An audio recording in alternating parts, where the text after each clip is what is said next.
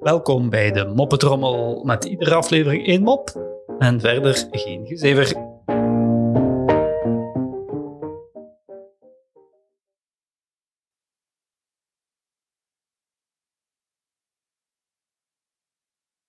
De moplontjes willen een auto kopen en besluiten samen te leggen. Samen komen ze aan 250 euro. Ze stappen naar een garage en klappen een verkoper aan. Wij willen een auto kopen, zeggen ze enthousiast.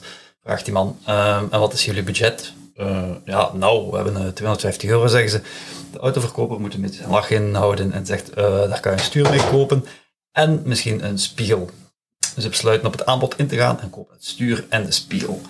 Eh, even later bij een rotonde beginnen ze rondjes te draaien. De ene roept broem, broem, broem, broem. En de andere loopt rond met het spatbord op haar rug. Niet veel later worden ze dan ook tegengehouden door een politieagent. Ehm, zegt de agent, ik denk dat er bij jullie een eh, schroefje los zit.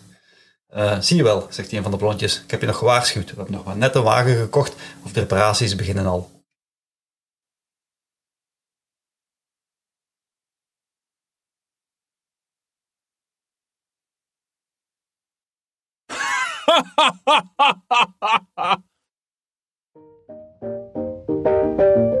Zo, dat was de Moppetrommel voor vandaag. En tot morgen.